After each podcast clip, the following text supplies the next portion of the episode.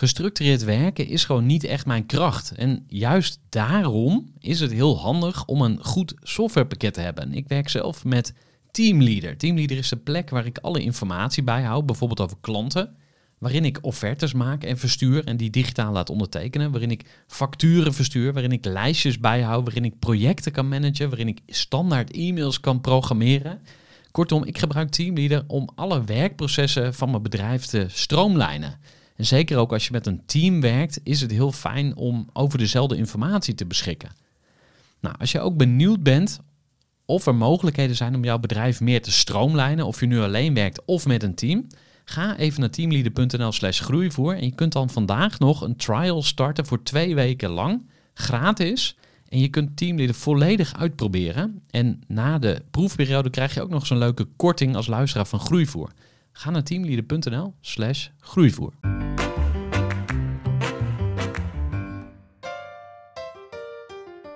Welkom bij de Groeivoer podcast. Leuk dat je weer luistert. Mijn naam is Gerard Tevelder en mijn missie is mensen en organisaties helpen bij hun groei. Dat doe ik onder andere door het delen van mooie verhalen over groei en ondernemerschap. In deze aflevering van de Groeivoer podcast kun je luisteren naar een interview met Stefan Braam van Utrecht Inc. Utrecht Inc. is een van de allereerste business incubators van Nederland, opgericht door onder andere de Universiteit Utrecht en het Universitair Medisch Centrum Utrecht, het UMCU. Utrecht Inc. slaat de brug tussen wetenschappers en het bedrijfsleven.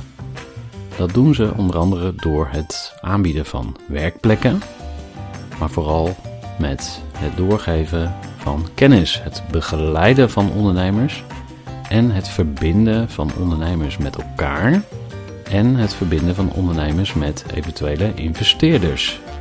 Stefan is dus beroepsmatig bezig met groei en ondernemerschap. Je hoort hoe Stefan in Silicon Valley rondliep en daar het licht zag. En je hoort wat hij daar ontdekte over de Lean Startup methodiek. We gaan ook wat dieper in op wat de gewone ondernemer kan leren van de denkwijze van Lean Startup. Stefan gaat in op de kracht van business partners en hoe je met een business partner sterker staat dan alleen. We hebben het ook over sharks, over angel investors en hoe de interactie met investeerders überhaupt werkt. Kortom, genoeg te leren en te ontdekken in deze aflevering. Ik wens je heel veel luisterplezier met dit interview met Stefan Braam van Utrecht Inc. Leuk dat ik uh, vandaag bij jou mag zijn om uh, wat meer te horen over wie jij bent en over Utrecht Inc. Ja, ik zou graag willen beginnen met jou. Wie is Stefan Braam?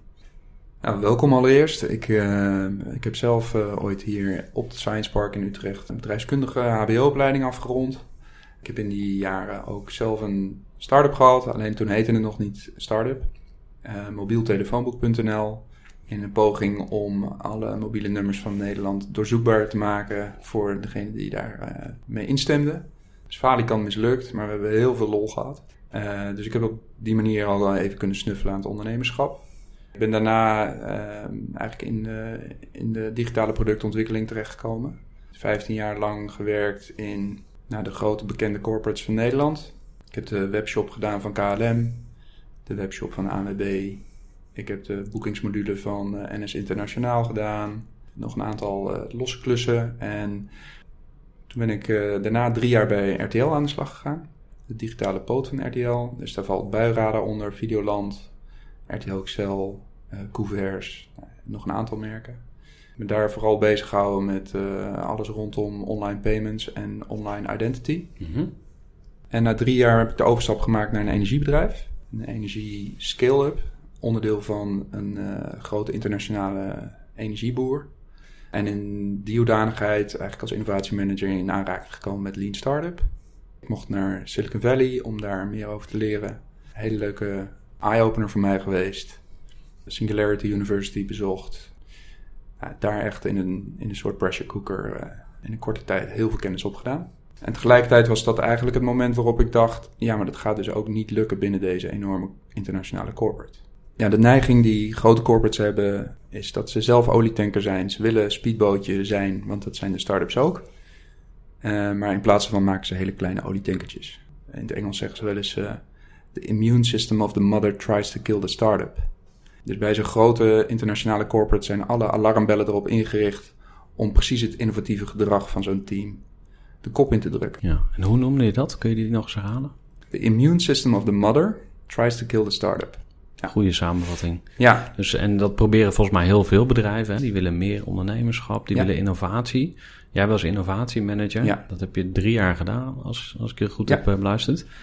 En dankzij dat bedrijf ben je naar Silicon Valley gegaan. Mhm. Dus dat is mooi meegenomen. Ja. En daar ben je in aanraking gekomen met Lean Startup. Kun je daar eens wat, wat meer over vertellen? Dan gaan we straks nog wat dieper in op uh, Utrecht Inc., waar Ja. we natuurlijk vandaag zijn. Maar ik ben wel heel benieuwd, Lean Startup, voor wie dat niet kent, wat is het? Ja. En het tweede wat ik ook graag zou willen weten is uh, ja, dat verhaal in Silicon Valley. Vertel gewoon eens hoe dat, nou, hoe dat was. Ik Ja. denk dat heel veel mensen daar... uh, ja, iedereen kent Silicon Valley, maar wie is er nou echt geweest? Ja. Jij bent er geweest. Ja. Vertel. Nou, wellicht allereerst even over, uh, over de Lean Startup. De twee voortrekkers in wat uiteindelijk tot Lean Startup heeft geleid zijn Alex Osterwalder en Steve Blank. En ze hebben alle twee, zijn al heren op leeftijd, hebben heel veel gezien van de traditionele aanpak uh, van bedrijven bouwen, van producten lanceren, producten ontwikkelen. En eigenlijk hebben zij de, de methodieken van Lean, die natuurlijk oorspronkelijk bij Toyota vandaan komen, gecombineerd met wat je ook ziet in uh, IT development, Scrum, Agile. En dat vertaald naar eigenlijk een iteratief ontwikkelproces voor beginnende bedrijven. Waarbij je alles wat onzeker is probeert naar voren te trekken en te toetsen. Dat noemen wij valideren. En op die manier eigenlijk te de-risken. Want een start-up is eigenlijk niets meer dan een, een concept met ongelooflijk veel aannames. Ja. ja. Dus je wil van die aannames af. Nou, en dat, dat hebben zij eigenlijk neergezet. Daar zijn uh, boeken uit voortgekomen. Er is onder andere ook het business model Canvas naar voren gekomen, wat mensen wellicht uh, wel gezien hebben. En wij passen dat hier bij Utrecht Inc. losjes toe. Maar goed, dat eventjes over de Lean Startup. Uh, waarom sprak het mij aan? Ik heb heel veel met IT en tech mensen samengewerkt in het verleden. Ik zag eigenlijk al heel snel hoe ongelooflijk efficiënt het is om met Scrum en Agile te werken in het ontwikkelen van code. Dus op het moment... Scrum, en Agile, dat zijn methodieken ja. om projecten gedaan te krijgen of producten te ontwikkelen. Ja, het is uh, hoe organiseer je je development team en hoe werken zij om uh, zo snel mogelijk kunnen inspelen op veranderingen bij de klant of ja. veranderingen in de markt. Nou, dus eigenlijk is dat, wat in de, in de, in de aan de techkant en de IT-kant al jaren gangbaar was, is eigenlijk toegepast op ondernemen. Dus dat was voor mij ja, een hele logische stap. En absoluut een gevoel van, ja, zo, zo moet je dingen aanpakken. Er wordt veel te veel gepraat over hoe het uiteindelijk zou moeten worden. Uh, zeker in grote bedrijven. En niemand die ook maar in zo'n meeting uh, op tafel durft te leggen van... laten we eens valideren of die aannames die we hier allemaal doen, of die wel kloppen. Ja. Nou, dan gaan we een project starten, twee jaar verder, uh, 200 miljoen verder. En dan blijkt er helemaal geen vraag te zijn. Of de klant had inderdaad twee jaar geleden die vraag, maar nu niet meer. Ja, ja. Ja, ik heb een klein beetje voorkennis. Ik heb het boek The Lean Startup gelezen van Al Rees. Ja. En sinds die tijd ben ik ook het Lean Canvas gaan gebruiken. Dus dat A4'tje, en ik heb hem naar het Nederlands vertaald, zodat ja. ik hem wat makkelijker kan gebruiken. En uh, als ik een business idee heb, dan zet ik het op één A4'tje. Wat ik uitdagend vind of lastig is dat stuk klantonderzoek. Dus het idee op één A4'tje zetten aan zich is al waardevol. Omdat mm-hmm. je dan ook ziet waar de gaps zitten en Mhm. mm-hmm. aannames. Alleen om echt een traject in te gaan van drie maanden lang en dan tot drie, vier, vijf keer toe met een bepaalde potentiële groep klanten praten. Mm-hmm. Om dat echt goed gestructureerd aan te pakken, dat is mij nog niet gelukt. Nee, het is ook niet makkelijk. Nee, dus ik heb dan nu bijvoorbeeld ben ik met mijn groeiprogramma bezig om een groeiprogramma te maken voor ondernemers en uh, voor uh, start-ups. Mm-hmm. Dus me, uh, bedrijven die willen groeien en voor start-ups. Dus ik heb wat, wat mensen in mijn omgeving, die laat ik het dan lezen. Dus dan zet ik het op een A4'tje en dan mail ik het naar wat mensen toe van... hey, wil je er een keer naar kijken? Ja. Maar dat kan je niet echt een scientific approach noemen. Ja, en als je zo'n A4'tje aan iemand aanbiedt, dan geef je iemand eigenlijk het probleem wat je wilt oplossen, plus de oplossing. Ja, en okay. daarmee snij je denk ik een heel groot stuk af want als je mensen nog niet vertelt wat je oplossing is en je laat ze gewoon exploratief vertellen over het probleem en hoe ze dat vandaag de dag oplossen, dan denk ik dat je daar nog veel meer uit kunt halen. En dan moet je ze later pas vertellen wat voor oplossing je daarbij in gedacht hebt. Oké, dus dat, dat is een uh, cruciale. Dus niet gewoon je oplossing presenteren. Nee. Maar je vraag of je probleem voorleggen. Ja. Laat mensen er gewoon over praten. Dus wij, eh, bij, bij Utrecht Inc. zeggen we uh, vaak ook, hè, fall in love with the problem, not with the solution. Aha. Er komen veel mensen hier bij ons, en ik ga zo meteen nog wel even uitleggen wat Utrecht Inc. nou precies doet. Maar er komen veel uh, startende ondernemers bij ons die zeggen... Nou, ik kan nu met uh, TensorFlow technologie kan ik gezichtsherkenning doen en dan kan ik een cameraatje plaatsen en dan kan ik zien wie er in een ruimte is en dan kan ik dit en dan kan ik dat. Nou, Cool, dat is fanta- fantastisch, maar Ja. Ik, ja, ik vind het totaal niet waardevol als je niet kan uitleggen welk probleem je oplost. Eh, dus hoe meer tijd je doorbrengt met het begrijpen van het probleem, hoe makkelijker en beter uiteindelijk de oplossing wordt. Als je, eh, en we zitten hier aan tafel met, eh, met glazen water op tafel. Als ik tegen jou zeg, ik heb hier een product bedacht en dat noem ik een glas en doen we water in. Vind cool? Dan ga jij ja zeggen, omdat het heel logisch is als je het ziet. En ten tweede ga je ja zeggen omdat je mensen graag wil pleasen. Maar het is veel interessanter als ik dat glas eventjes wegzet en niet aan jou laat zien. En ik vertel hoe ga jij om met je behoefte om te drinken. Mhm. En eh, hoe ga je om met vocht binnenkrijgen? En vertel daar eens over. Hoe doe je dat vandaag de dag? En als je onderweg bent, hoe neem je dan vocht mee? Of hè, laat mensen gewoon daarover vertellen. Als je dat keer op keer op keer doet, dan zie je een patroon ontstaan. En dan is vervolgens eh, dat glas een veel betere aansluitende oplossing. Ja. Als je al die kennis daarin meeneemt. Ja. Ik zie een vliegtuig voor me. Het staat al klaar. Waarschijnlijk vloog dat vliegtuig vanaf Schiphol. Jij komt aan met je rolkoffer. Je gaat naar Silicon Valley. Kan je dat moment nog terughalen? Kan je nog herinneren die dag en die reis en Ja. je eerste dag in Silicon Valley? Ja, ja ik had er eh, natuurlijk wel over gelezen. Ik had er ook wel een beeld over gevormd, maar niet heel concreet. Dus ik kwam daar aan en het was vooral heel uitgestrekt. En wat we deden is dat we eh, in hotel kwamen, volgende dag eigenlijk meteen aan de bak gingen. Waarbij we eerst ja, geprimed werden, in, een, in een geestestoestand werden gebracht. Dat alles wat we eigenlijk eh, vertrouwden uit het verleden, dat we dat maar eens even los moesten gaan laten.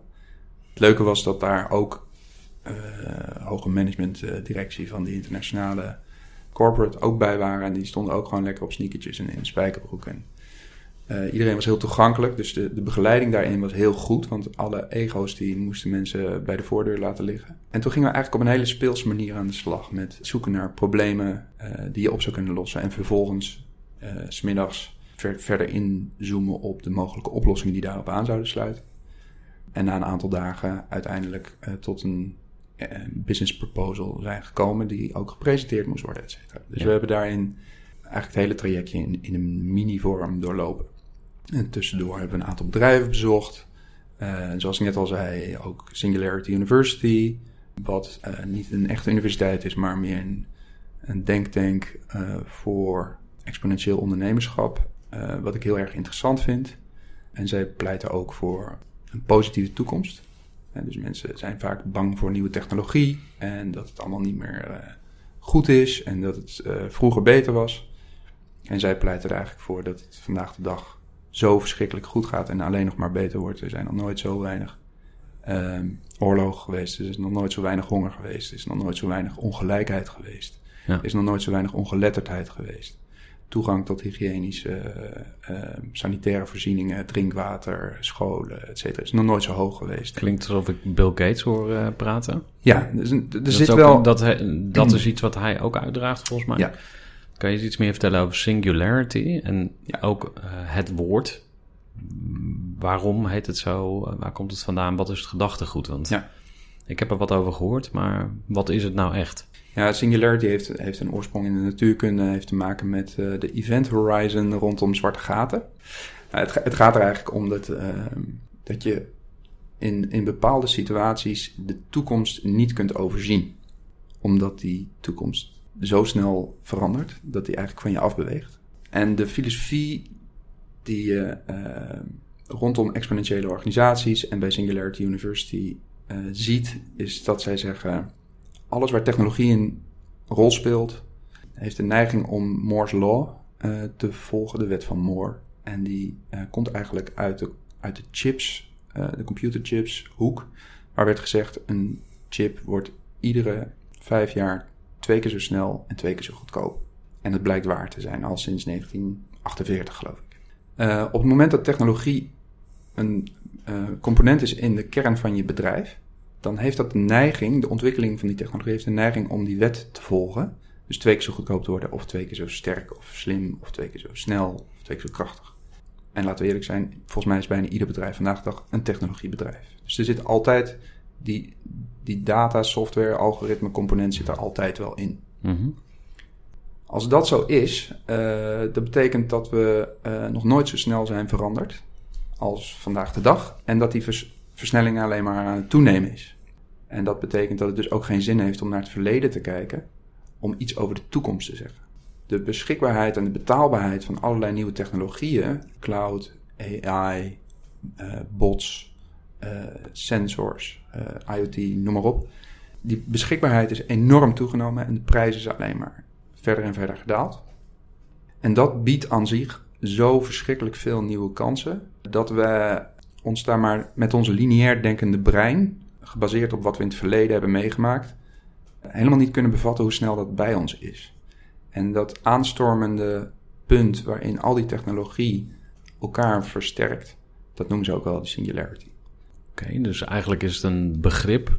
Het is een filosofisch begrip. Het is Mhm. een beweging ook. Mhm. Dus in de praktijk is het misschien makkelijker te begrijpen als je bedenkt dat, dat je misschien in je eigen onderneming gebruik maakt van allerlei services die Google aanbiedt, die Amazon misschien met cloud aanbiedt. En al die technologieën die zorgen ervoor dat jij dagelijks kunt bezig zijn met dat waar jij goed in bent.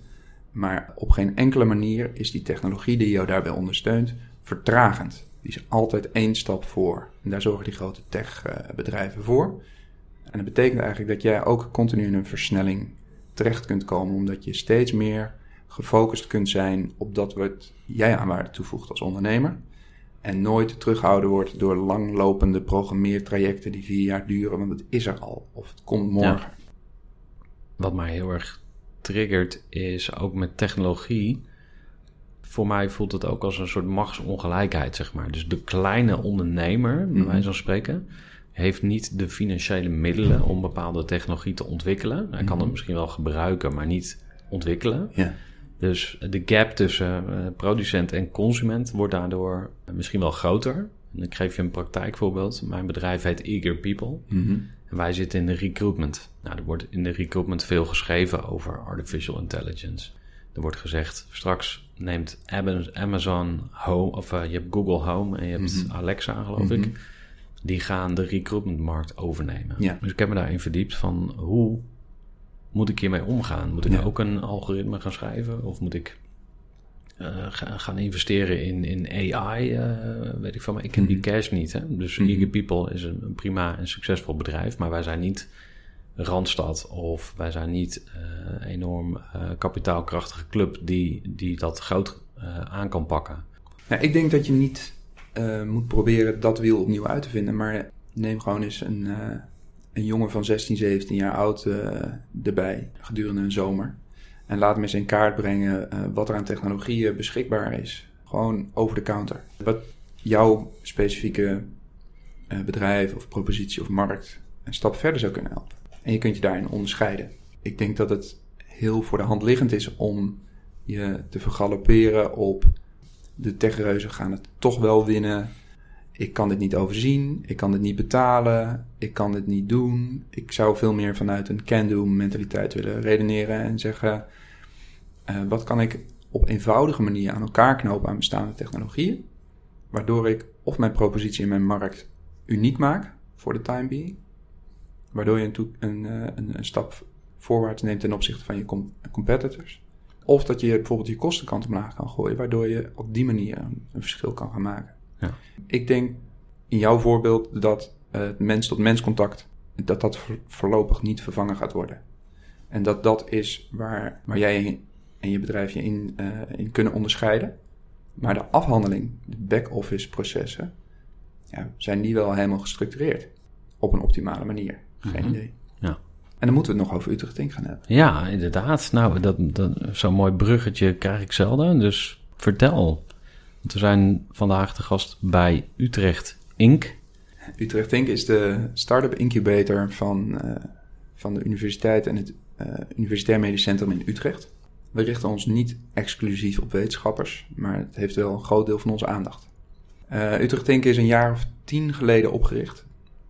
We zijn een zelfstandige BV met als aandeelhouders de Universiteit Utrecht en het Universitair Medisch Centrum.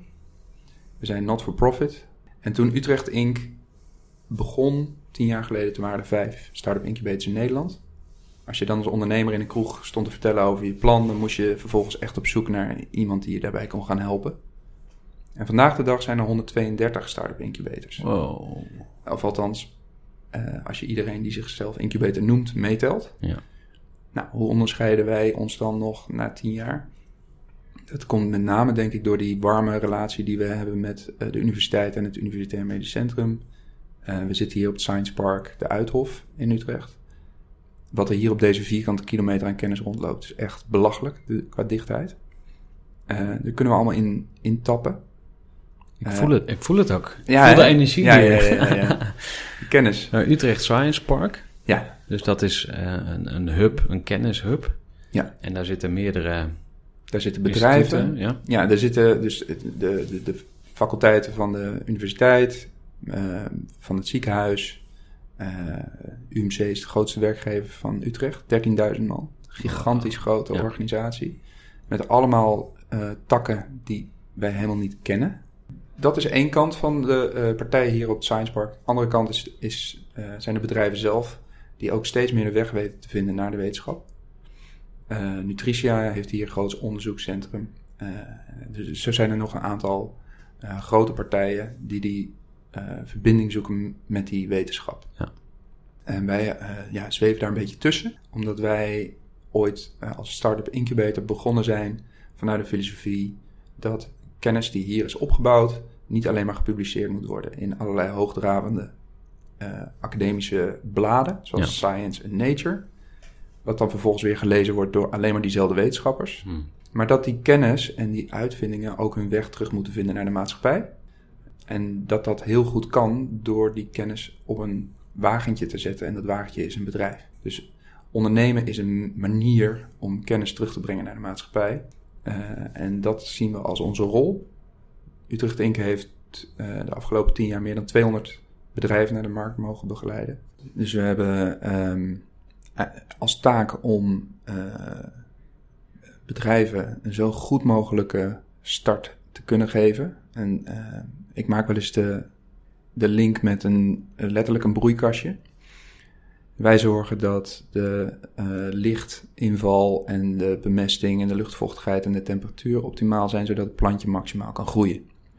Nou, dat hebben we bij meer dan 200 bedrijven gedaan de afgelopen 10 jaar, ehm, waarvan na vijf jaar eh 65% nog bestaat. In de, in de praktijk zonder incubator eh, van dit soort bedrijven bestaat na vijf jaar 35% nog. Dus we kunnen eigenlijk een derde toevoegen aan de succeskansen van je onderneming. Cool. Even een korte onderbreking met een belangrijke vraag aan jou. Want wat heb jij geregeld voor het geval je van de ene op de andere dag zou komen uit te vallen? Wat gebeurt er dan met je bedrijf, maar vooral wat gebeurt er met jou persoonlijk en ook in financieel opzicht? Samen met ASR voerde ik drie openhartige gesprekken over tegenslag en veerkracht. En dat deed ik met Saskia, Vincent en Pieter. Ondernemers met een bloeiend bedrijf die van de ene op de andere dag niet meer konden werken. En die verhalen hoor je in aflevering 256, 257 en 258 van deze podcast. Als ondernemer wil je natuurlijk niet uitvallen. En daarom is het belangrijk dat je veerkrachtig bent, want voorkomen is beter dan genezen. En als het dan toch misgaat, is het fijn dat je iets geregeld hebt, zodat je weer snel door kunt met ondernemen. Wil je weten hoe veerkrachtig jij nu bent? Vul dan in twee minuten de veerkrachttest van ASR in. Ga naar asr.nl slash veerkrachttest ondernemers. En wat moet je doen om in aanmerking te komen voor Utrecht Inc? Nou, wij zijn er met name voor de ondernemer en de ondernemer niet voor ons. Dus wij proberen ons daar zo goed mogelijk in aan te passen. Best wel een groot stuk is ook maatwerk. Wat we aanbieden is met name gericht op wat we dan noemen early stage first time entrepreneurs. Dus de serial entrepreneur die uh, zich verveelt en bedrijf 4 wil gaan opstarten, uh, die hebben we niet heel veel te bieden. Nee, want jullie hebben ook geen winstoogmerk? Nee. Dus... Geen equity in de bedrijven die we nee. helpen. Nee. Okay. Uh, er zijn de nodige start-up facilitators of incubators vragen meteen bij de voordeur al om aandelen. Dat doen we niet. En wat we wel doen, is dat we uh, naast de faciliteiten die we bieden, wat een soort basislaag is van een werkplek, een kantoortje, uh, wifi, goede koffie, meetingruimtes, et cetera, et cetera. Uh, maar dat is vrij passief. leggen we daarbovenop een actievere laag van coaching, mentoring, workshops, vier maands programma wat we aanbieden, waarin we bedrijven echt proberen te versnellen. Het heet ook een accelerator programma. En dan heb je bijna dagelijks workshops, masterclasses. En proberen we je na vier maanden klaar te hebben met een eerste versie van je product, een betalende klant, dat je team op orde is en dat je investeer klaar bent. Uh, en dan is de derde laag, en daar hebben we eigenlijk heel weinig over te zeggen, en dat kunnen we nauwelijks beïnvloeden, is onze community. Dus de sfeer hier van die uh, 30 tot 40 startups die we altijd in huis hebben, die sfeer is bijna ongrijpbaar, maar die zorgt er wel voor dat uh, mensen elkaar vinden, elkaar inspireren, elkaar challengen. En dat kan gewoon even een kopje koffie drinken zijn samen. Dat kan even een broodje halen zijn samen. Maar hier ontstaan gesprekken die anders niet ontstaan waren. Hmm. Kan je dat dus ontrafelen, dat DNA van Utrecht Inc? Nou, wat, wat de bestanddelen zijn, zijn vaak in 50% van de gevallen mensen met een wetenschappelijke achtergrond. En dat is gewoon puur door die relatie met de universiteiten en het uh, ziekenhuis. Uh, dat zijn PhD'ers, dat zijn artsen, onderzoekers. En die andere 50% zijn eigenlijk mensen die heel graag willen ondernemen, die een, uh, vaak zich gevestigd hebben hier in de regio Utrecht. En waar wij op letten is, is er zit er een technologiecomponent in het bedrijfsidee. En op het moment dat je academische wetenschappers samenzet met uh, mensen met een ondernemende mindset, dan gebeuren er mooie dingen. Maar we moeten wel eerst een aantal stigma's afbreken.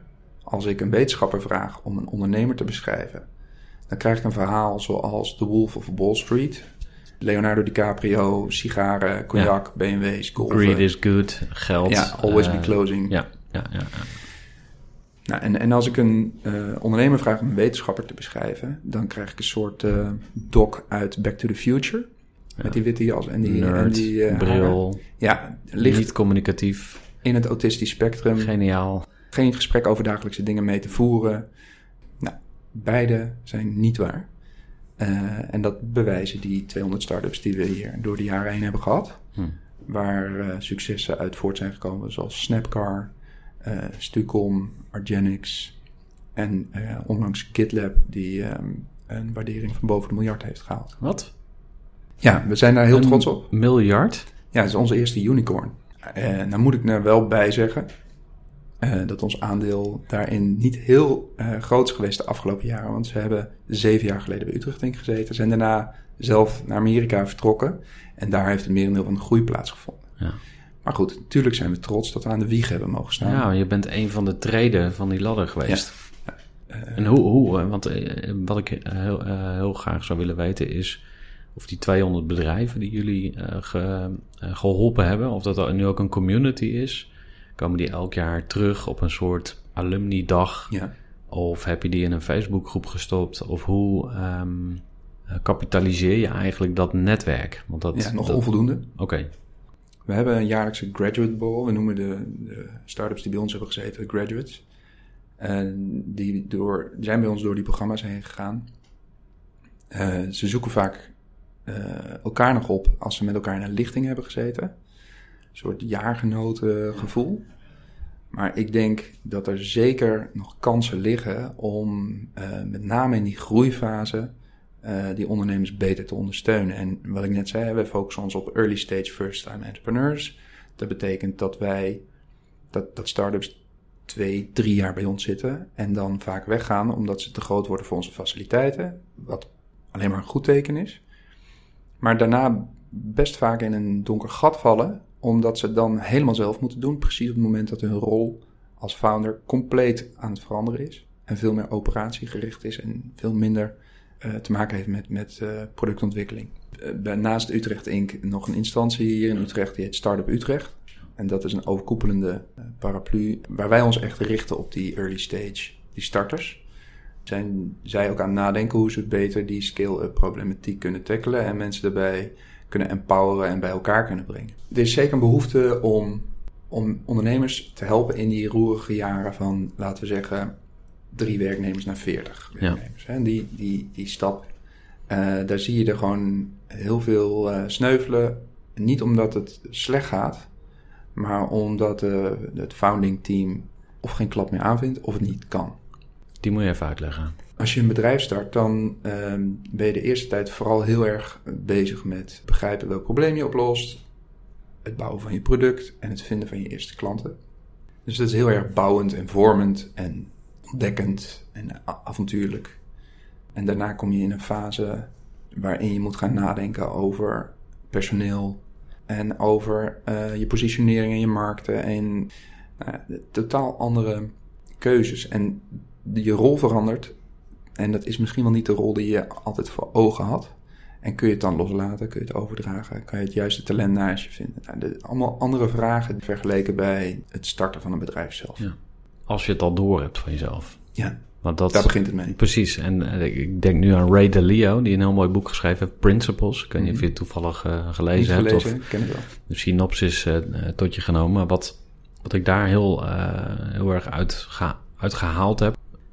Alles wat gebeurt, is al een keer gebeurd. Ja. Alles wat ik nu voel, denk, zie, hoor, ruik, proef... Ja dat is niet nieuw. Voor mij voelt het nieuw, ja. maar it's all been done before. Ja. En dat geldt voor alle ideeën. Dus mensen denken, ik heb een idee. Nee, ideeën zijn niet van jou. Klopt. Je hebt gewoon een, een grote ideeën-energie. En jij plukt daar even... Ja, precies, die ideeën zijn er al. En dat geldt dus ook voor het starten van je bedrijf. Dus jij denkt, oh, hoe moet ik dit doen? En wat lastig en ingewikkeld hey, het goede nieuws, it's all been done before. We hebben gewoon hele proved, uh, proven uh, methoden, technieken die we kunnen gebruiken. Hetzelfde geldt voor het opschalen. Doe je voordeel met die lessen in plaats van dat je alles zelf gaat proberen. Nou, dat lijkt me ook heel cool voor jou om, om die rol te mogen spelen. Dat jullie met Utrecht Inc. die succesrate omhoog trekken van ja. 35 naar 65 procent. dat zit hem precies daar. substantieel. Dat zit hem er precies in dat uh, alle fouten vaak al een keer gemaakt zijn. Dat alle ideeën al een keer bedacht zijn. En dus wij kunnen je zo helpen met uh, het, het de-risken van je plan. Dus, dus we kunnen aangeven, hè, eh, deze 70%, daar zijn anderen al mee bezig geweest. En die hebben het zo aangepakt en dat was het meest succesvolle. En ik ben zelf van oudsher, en vanuit mijn persoon ben ik een echt een ideeënman. Ideeën. Ik kan het niet eens uitzetten. Het komt gewoon de hele dag uh, naar me toe. En het inzicht wat ik heb gekregen hier bij Utrecht, denk ik, is dat het eigenlijk helemaal niet om het idee gaat. En mijn talent is meteen uh, afgebrokkeld daarmee. Ik dacht altijd, als je een idee hebt en geld, dan kun je een start-up beginnen. En dat blijkt helemaal niet zo te zijn. 70% van de start-ups hier verdient vandaag de dag niet geld met het idee waar ze mee binnen zijn gekomen. Mm -hmm. Dat in zichzelf bewijst al dat het niet om het idee gaat. Hmm. Waar gaat het dan wel om? Om executiekracht. En wat is het grootste component van executiekracht? Dat is je team. Dus ik geloof er heel erg in dat uh, het juiste team een bedrijf succesvol maakt.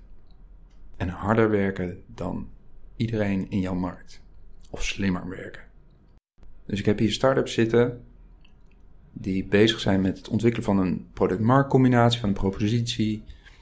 En ik weet zeker dat als zij morgen zouden stoppen en houten stoelen zouden gaan maken en verkopen, dat het ook succesvol gaat worden. Als ik dan mensen spreek die hier komen die zeggen: Ja, maar ik wil wel eerst een NDA, want ik ga niet meer zomaar mijn ah, idee met jou ja. uh, bespreken. Ja, die angst.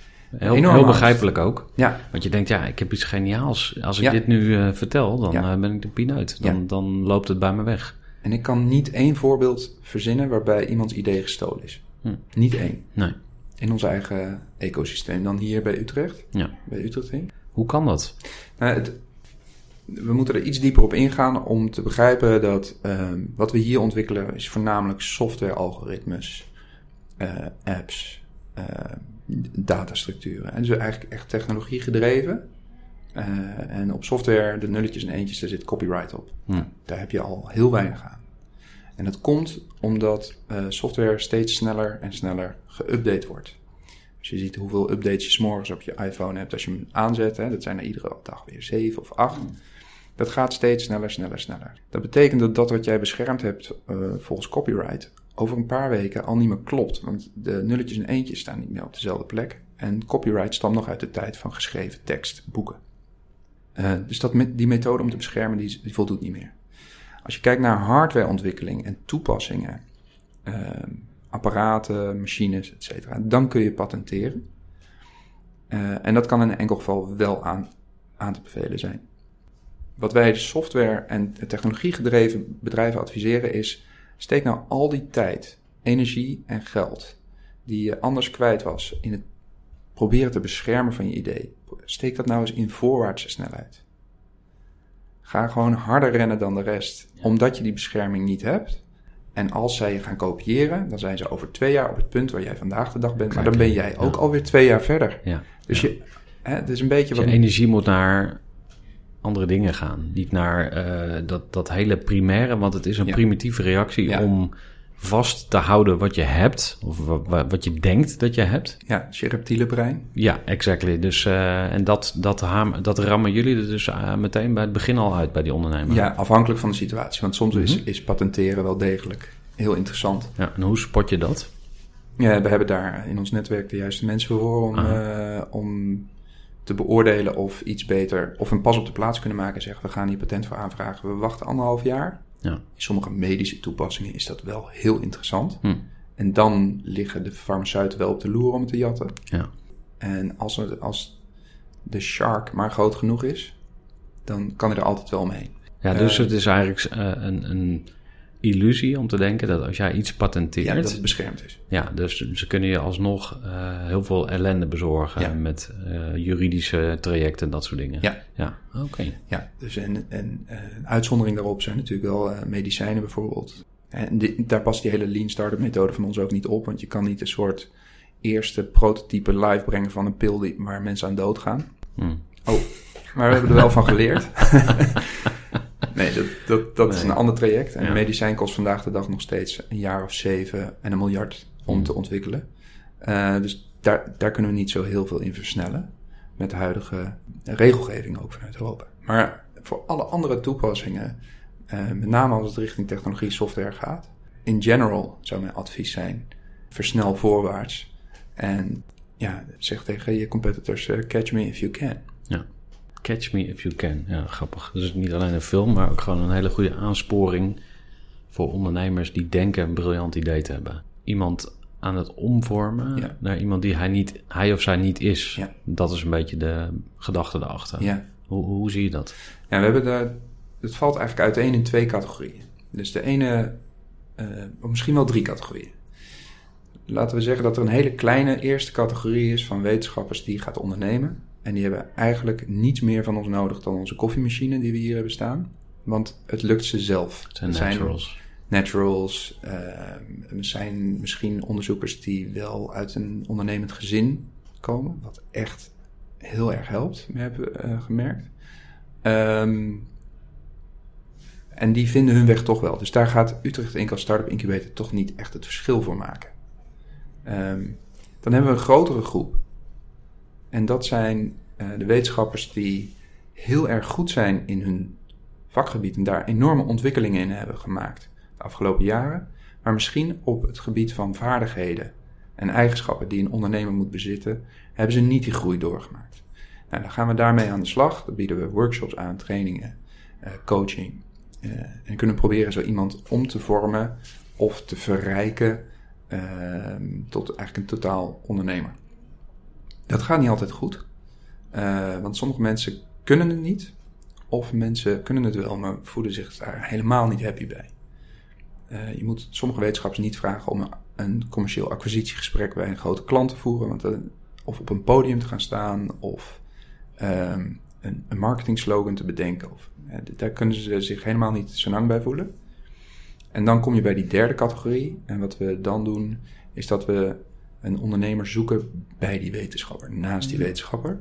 Ja.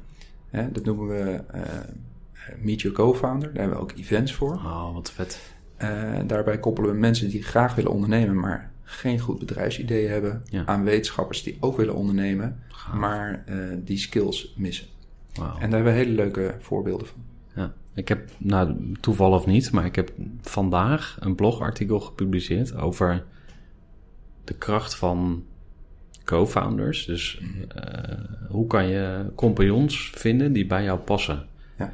Kan je daar iets meer over vertellen Ja. van hoe, wat voor tips en tricks geven jullie?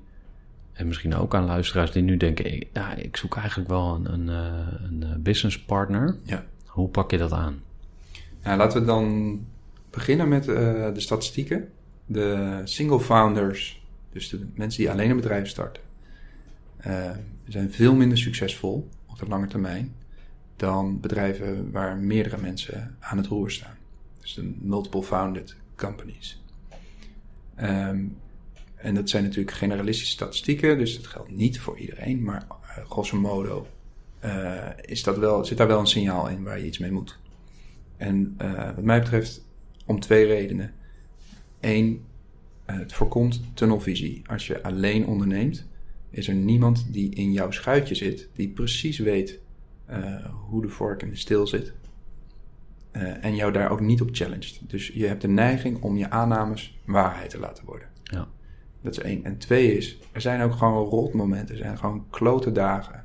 Er zijn teleurstellingen. Er zijn onzekerheden. Ja.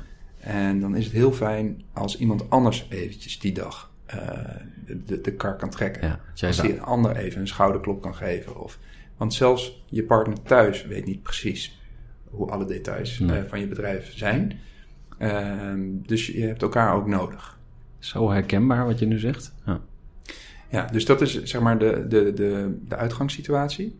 Nou, en dan krijgen we vervolgens krijgen we hier bij Utrecht mensen die zeggen: ja, maar dan vraag ik wel iemand van mijn studie. Nou, dan krijg je dus eigenlijk twee klonen van elkaar. Maar dat is heel comfortabel, want dat zijn mensen die, zoals, die denken zoals jij denken, die zich in sociale groepen be, be, be, begeven, die gelijk zijn, die misschien wel vergelijkbare levensopvattingen hebben, et cetera, et cetera. Dus hoe comfortabel dat ook lijkt, ik denk dat het voor het bedrijf veel interessanter is om te zoeken naar mensen die elkaar aanvullen en die een andere achtergrond hebben, die andere talenten naar de tafel brengen, die andere persoonlijkheidskenmerken hebben. Dus als je zelf chaotisch bent, zoek dan een gedetailleerd persoon naast je. Structuurnatie noem ik dat altijd. Ja, als je, ja precies. En dat, en dat geeft ook ongeveer aan waar jij staat. Ja.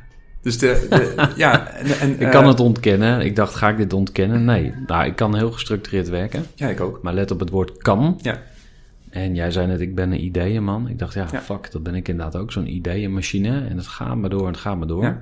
ja, en daar gaat het dus helemaal niet om. Nee, die ideeën maken geen ruk uit. Het gaat om executie. Ja. Maar jij zegt van, oké, als je een single founder bent... dan laten de statistieken gewoon zien... dat je aantoonbaar minder vaak succesvol bent. Mhm. Dus jullie adviseren mensen, zoek een founding partner erbij. Ja, Iemand maar dat is makkelijk gezegd. Ja, en, en, waar ik na- naar op zoek Ja. ben is dus wat zijn de tips en tricks? Eh, je, je gaf er al één weg van, oké, ze mogen niet te veel op elkaar lijken. Ja. Oké, en en what else? Weet je? Waar, waar let je verder nog op? Eh, heb je al matches gemaakt waarvan je dacht van ja, dat is gewoon... Dus we, hebben, eh, we doen twee keer per jaar dat eh, event Meet Your Co-Founder. En daarin proberen we ook een stukje begeleiding te doen in de periode daarna. Je, je moet je voorstellen als een relatie. Je gaat niet na de eerste keer daten, de volgende dag trouwen. En, en toch bestaat het idee van eh, mensen van ja, ik, ik ga met iemand praten over mogelijk instappen in zijn bedrijf. Maar hoeveel aandelen moet ik dan vragen? Ja. Hè, of uh, welke titel ga ik dan voeren binnen dat bedrijf? Nou, dat is allemaal totaal irrelevant. Dus begin nou gewoon eens een maand lang samen te werken op dagelijkse basis om niets. En als een van de twee gedurende die maand zegt: Ik zie het niet meer zitten, dan Ja. is het gewoon jammer. En dan Ja. wordt er ook niet afgerekend. Nee. Je loopt gewoon weg. Je tijd zit erin en that's it. Ja, het is gewoon, Geen ingewikkelde bullshit, geen contracten, geen NDA's, Nee. geen... Ja, gewoon een oké. sweat, sweat equity. Ja. Sweat equity, Ja. mooi. En uiteindelijk werk je naar een, to- een punt toe waarbij je zegt: als we daar zijn en we zitten er alle twee goed in, dan gaan we naar de notaris en dan word je, stap je in het bedrijf. En, maar wat kun je in die voorfase doen? Stel uh, bijvoorbeeld een joint venture of zo? Of, um... Het is, zijn zulke unieke situaties dat het heel moeilijk is om daar iets over te zeggen. Dus je, ja, je moet het echt case by case. Ik denk dat het veel belangrijker is om zo vroeg mogelijk in zo'n traject met elkaar het gesprek te hebben. Ja. Hoeveel tijd ga jij investeren en waar kan ik op rekenen bij jou? Als we een keer een zaterdag en een zondag doorwerken, kan ik je dat vragen? Hoeveel geld ga je investeren? Als er een keer uh, eh, 2000 euro bij moet, ga je dat gewoon erin potten? Of kan ik dat niet aan je vragen? En heel veel mensen uh, starten een bedrijf samen en dat gaat allemaal onder de mantel der liefde. Alleen dan bouw je, net misschien wel in je, relatie, in je liefdesrelatie, bouw je geen goede basis mee. Nee, dat gaat rotten. Dat gaat, onderhuids gaat het irriteren, de dingen blijven onuitgesproken en dan op een dag klapt de bom en dan ben je waarschijnlijk al te ver om uh, handig en uh, goedkoop terug te kunnen. Ja. Uh, dus heb, heb zo vroeg mogelijk dat gesprek van wat mag ik van jou verwachten en wat mag jij van mij verwachten. Uh, kan ik je accountable houden voor bepaalde onderwerpen? En in die eerste paar maanden doet iedereen alles en zijn er eigenlijk geen rolverdelingen, want het werk moet gewoon gedaan worden. Maar uiteindelijk ga je de, uh, de taart wel verdelen met elkaar. Ja. En daar is een methodiek bij, en ik had het net over de taart verdelen. Het is heel hmm. grappig, want die methodiek heet Slicing Pie. En Slicing Pie helpt je om je voor te bereiden op het officieel maken van, van dat co-founderschap. Dus voordat je naar een notaris gaat, moet je natuurlijk bedenken wat de percentages zijn die je neemt in het bedrijf. Maar nog veel moeilijker, percentage van wat? Wat is het bedrijf waard? Ja. Eigenlijk die, dat hele voortraject, uh, daar geeft Slicing Pie een antwoord op.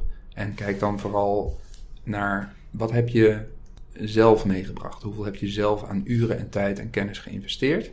En daar zit een rekenmodelletje achter. Het is een hm. hartstikke dun en makkelijk leesbaar boekje. Dat raad ik zeker aan voor mensen die in zo'n situatie zitten. Het is een boekje. Ja. Slicing Pie. Ja. Waar kunnen we die bestellen of downloaden of vinden? Uh, Everywhere. ja. ja. Het is niet jullie boek. Internetweb. Nee. Heb jij een boek geschreven? Nee. Ga je een boek schrijven? Ja. Hoe gaat het heten? Uh, weet ik niet, vind ik niet belangrijk. Heb je een leuke werktitel? Nee, maar ik kan wel in een zin uitleggen waar het over moet gaan. Um, dus als we kijken vandaag de dag naar de modellen die we gebruiken om uh, een bedrijf snel te kunnen beoordelen, dan wordt er vaak gegrepen naar Business Model Canvas, eventueel aangevuld met een SWOT-analyse. En dat geeft eigenlijk een foto van een, een soort Polaroid-foto van je bedrijf. Heel sumier, maar geeft wel aan hoe je businessmodel in elkaar zit. Alleen dat heeft, dat, daarin ontbreekt de factor tijd. Dus het is, een, het is een foto. En ik wil van die Polaroid foto wil ik eigenlijk een film maken. Door eigenlijk de situatie vandaag de dag te beschrijven. En de uiteindelijke situatie over een jaar te beschrijven. Dus laten we dat noemen Business Model Canvas 0 en Business Model Canvas 1. En 1 is over een jaar. Als je die op elkaar legt en je maakt ze beide, uh, dan zie je in één keer heel erg duidelijk waar je aan moet gaan werken om volgend jaar succesvol te zijn. Wat is dan je go-to-market strategie? Welke activiteiten moet je opvolgen? Daar heb ik nog geen boekje over gevonden. Dus ik ben nu bezig met iemand die zijn hele leven uh, heeft ondernomen. En ook docent aan de hogeschool hier is geweest rondom ja. entrepreneurship. En zijn we een boekje aan het schrijven. Oh, jullie zijn al begonnen. Denk je dat het dit jaar nog afkomt? Ja, weet ik niet. Het is, het is vooral leuk. Mooi. Ja. Um, ja, ik schoot mij een, uh, een titel te binnen. Continuous Lean. Tenminste, dat hoorde ik een beetje in je verhaal. Eh, je hebt het heel kort verteld, maar jij zegt eigenlijk van ja, maak een, momentopname van je bedrijf. Dat is leuk. Maar je wil uh, dat monitoren, dus je wil de groei zien. Uh, ik heb zelf een boekje geschreven, het zakkompas, dat ligt hier. Dat laat ik hier ook graag achter.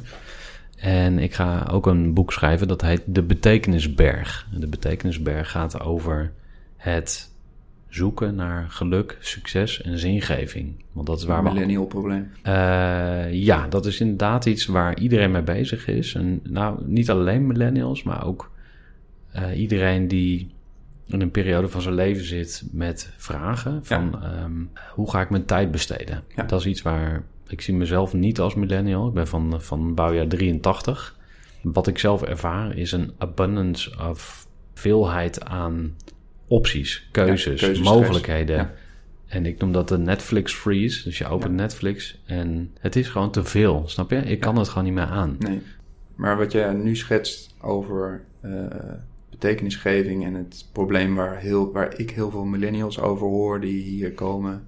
Die zeggen, ja, maar ik wil een bedrijf starten, want dan kan ik betekenis geven. Want ik wil niet alleen eh, geld verdienen. Impact maken. Ja, Het i-woord. Ja, maar het is echt flinterdun. Dus het is ook echt wel een hype. Hoe heb je dat gemerkt? Ja, het gaat uiteindelijk wel gewoon om knaken verdienen en, eh, en een groter huis. Dus Zou kunnen, ja. Nee, ja, tenminste in mijn opvatting. ja, hè, ja. Dus is, iedereen praat elkaar een beetje na in die jongere generatie studenten die nu opkomt. Waarbij ze allemaal in ieder geval willen etaleren dat ze betekenisvol leven leiden. Ja. Maar dat wordt de nieuwe standaard. Ja. Als nu iemand bij mij komt en zegt, ja, ik wil graag impact maken, dan zou ik zeggen, oké, eh, ja, ik ook, wie niet, weet je wel. Dus dat is niet meer nieuw. Ja. Als iemand zegt, ik wil graag geld verdienen, want ik wil eh, eten, slapen, wonen, Mhm. een leuke auto rijden, allemaal dat soort crap. Ja. logisch, wie niet? En dit is ook waar, eh, waar ik in de betekenisberg wat over ga schrijven. Van het is inderdaad een soort piramide van Maslow, die basisbehoeften. Mhm. En op een gegeven moment zul je ontdekken dat als je het dan voor elkaar hebt, dat er altijd weer een next level is waar je Ja. naar kijkt. En als je dat te veel doet, word je ongelukkig. Dat is ook de reden waarom we als mens zover zijn gekomen. Die onvrede zit bij ons ingebakken. Dus het is een driving force. Ja, dus het is- gebruik het in je voordeel. Nou, dus Of- ik denk dat we alles wat we om ons heen hebben vandaag de dag komt uit onvrede naar voren. Want anders hadden we nog steeds tevreden in een grot gezeten bij een vuurtje. Ja. Ik denk dat betekenis geven aan je leven een probleem is wat nu de millennials eh, ervaren. En wat van onze generatie, ik ben dan uit 77, eh, misschien een midlife of quarterlife crisis zouden noemen. Ja. Van, ehm, eh, ik heb dit altijd nagestreefd, ik heb me de pleuris gewerkt en ik word er helemaal niet gelukkig van. Hmm. Wat, wat doe ik fout? Heel herkenbaar, ik zie het ook om me heen. En uiteindelijk gaat het natuurlijk om waar word je blij van. Is het eigenlijk eng of moeilijk om te beginnen met ondernemen? Eh, ja, als ik ondernemers spreek, dan eh, worden er allerlei metaforen bij gehaald. En eentje vond ik wel mooi. Iemand zei: Het is alsof je van een, eh, een gebouw afspringt naar beneden. En tijdens je val probeert een Boeing 747 in elkaar te zetten. En dat heeft te maken met de complexiteit en, en de chaos. En ook het gevoel van onzekerheid en angst op bepaalde momenten. Vooropgesteld, ik denk dat het ideale moment om te starten met ondernemen niet bestaat. Er is altijd een reden, iedere dag weer een reden om niet te starten met ondernemen. En ik hoor dat heel veel om me heen. Mensen zeggen, ik wil eerst mijn studie afmaken, of ik wil eerst een huis kopen, of ik wil eerst een relatie, of ik wil eerst trouwen, of ik wil eerst de wereld reizen. Dat ideale moment, daar kun je op wachten, maar dat gaat niet komen. Dus je moet jezelf dwingen om op een gegeven moment die sprong maar te wagen. En ja, er zijn nog heel veel open eindjes en onzekerheden, maar je krijgt ook heel veel avontuur en vrijheid voor terug. Ja, Dus ik zou het gewoon doen. Te weinig mensen doen het. mooi. Wanneer ga je zelf ondernemen? Ja, ik heb hier natuurlijk uitgebreid over nagedacht. Ik heb, ik heb eh, ondernomen jaren geleden, kortdurend overigens. Ik vind het leuker om aan de zijlijn te staan en heel veel verschillende ondernemers met verschillende problematieken in verschillende fases voorbij te zien komen en daar een klein aandeel in te kunnen pakken, dan dat ik volledig dedicated op één concept zou moeten instappen, namelijk dat van mezelf. Ik sluit het niet uit, maar ik, ik heb nu niet de wens. Ik vind het wel ongelooflijk fijn om met ondernemers te werken. Nee, het is niet het hoogst haalbare doel voor mijzelf. Hey, en hoe kunnen mensen nou connecten met Utrecht Inc? Laten we vooropstellen dat, ondanks het feit dat Utrecht Inc. opgericht is door de universiteit en het UMC, dat 50% van onze start-ups helemaal geen relatie hebben met die, met die wetenschap, maar hier wel zijn gekomen. Overigens zijn daar wel hele mooie samenwerkingen later uit voortgekomen met die academische wereld. Ehm, maar dat was niet de aanleiding. We zijn een open organisatie. Het heeft alleen maar nut als wij kunnen zorgen dat we je of helpen of in contact brengen met mensen die je anders niet was tegengekomen. En daar zien we onze verantwoordelijkheid ook. Dus kijk bijvoorbeeld naar de programma's die we aanbieden, eh, de werkplekken die we aanbieden, de workshops, de trainingen. Maar we hebben ook allerlei hele leuke events door het jaar heen, zoals Meet Your Co-founder, wat ik eerder heb eh, eh, aangehaald, eh, waarin we je proberen te helpen een compagnon te vinden. Er is een stagemarkt en daarnaast hebben we een heel netwerk van meer dan 100 mentoren en coaches die we kunnen aanwenden. Dus ik wil vooral Utrecht Inc. neerzetten als een organisatie die open is en naar buiten gericht. En er is heel veel mogelijk, maar je moet het zelf komen halen. Maar dat is bij ondernemers niet tegen doofmans oren gezegd, volgens mij. Cool. Laatste vraag. Stefan, wat vond je van dit eh, interview, van dit gesprek? ja, ik vond het een verademing en ik krijg er absoluut energie van, omdat uh, van tevoren niet duidelijk was waar we zouden eindigen. En volgens mij hebben we een aantal hele leuke paden bewandeld met elkaar, uh, waar ik vooraf geen rekening mee had gehouden. Um, en wat dat betreft vind ik deze podcast daar een uniek medium in, omdat het eigenlijk heel exploratief is en je komt onderweg achter waar je gaat eindigen. Ik vind het heel erg leuk om te zien waar jij je, je accenten legt en waar je, welke vragen je stelt. En ik merk ook aan mezelf dat ik uh, getriggerd word door een aantal onderwerpen en waar ik zeker na deze podcast ook nog verder over na wil gaan denken. Cool, thanks. Dankjewel. Dat was hem alweer, het interview met Stefan Braan van Utrecht Inc. Als je het leuk vindt om meer te weten te komen over het werk van deze incubator of Stefan Braam, zoek Stefan even op op LinkedIn. Je kunt hem altijd een berichtje sturen. Ik vond het tof om dit verhaal met je te mogen delen en ik hoop dat je ervan hebt genoten. Als je dit soort verhalen over groei tof vindt, je zou me erg helpen met een positieve review op iTunes. Maar wat ook veel simpeler en makkelijker is misschien, is gewoon eens iemand anders een linkje sturen over deze podcast. Mijn missie is mensen en organisaties te helpen bij hun groei. Ik werk met en voor professionals, ik werk voor nieuwe ondernemers en ik werk met groeiondernemers. Ik help concreet door te spreken, door het organiseren van inspiratiedagen en groeidagen bij organisaties. En ik ben op dit moment bezig met het bouwen van een groeiprogramma. Wil je meer weten of wil je mij een keer boeken of wil je met me samenwerken? Ga dan naar gerardtevelde.nl en neem even contact op. Dankjewel voor het luisteren en graag tot de volgende keer.